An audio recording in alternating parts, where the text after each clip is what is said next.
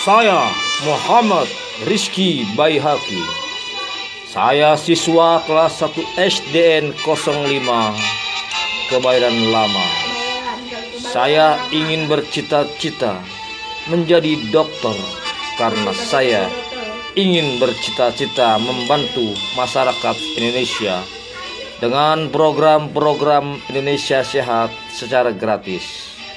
Indonesia, kau negeri yang saya banggakan, di mana saya dilahirkan dan dibesarkan. Saya berjanji akan sungguh-sungguh menjadi dokter yang baik bagi bangsa Indonesia. Saya akan terus belajar, belajar, dan belajar lagi agar bisa menggapai cita-cita dan impian saya.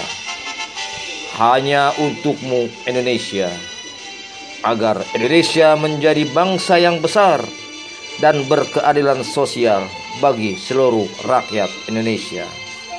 Sesuai dengan cita-cita para pahlawan dan pemuda-pemuda Indonesia yang diucapkan pada 28 Oktober 1928. Selamat Hari Sumpah Pemuda ke-92.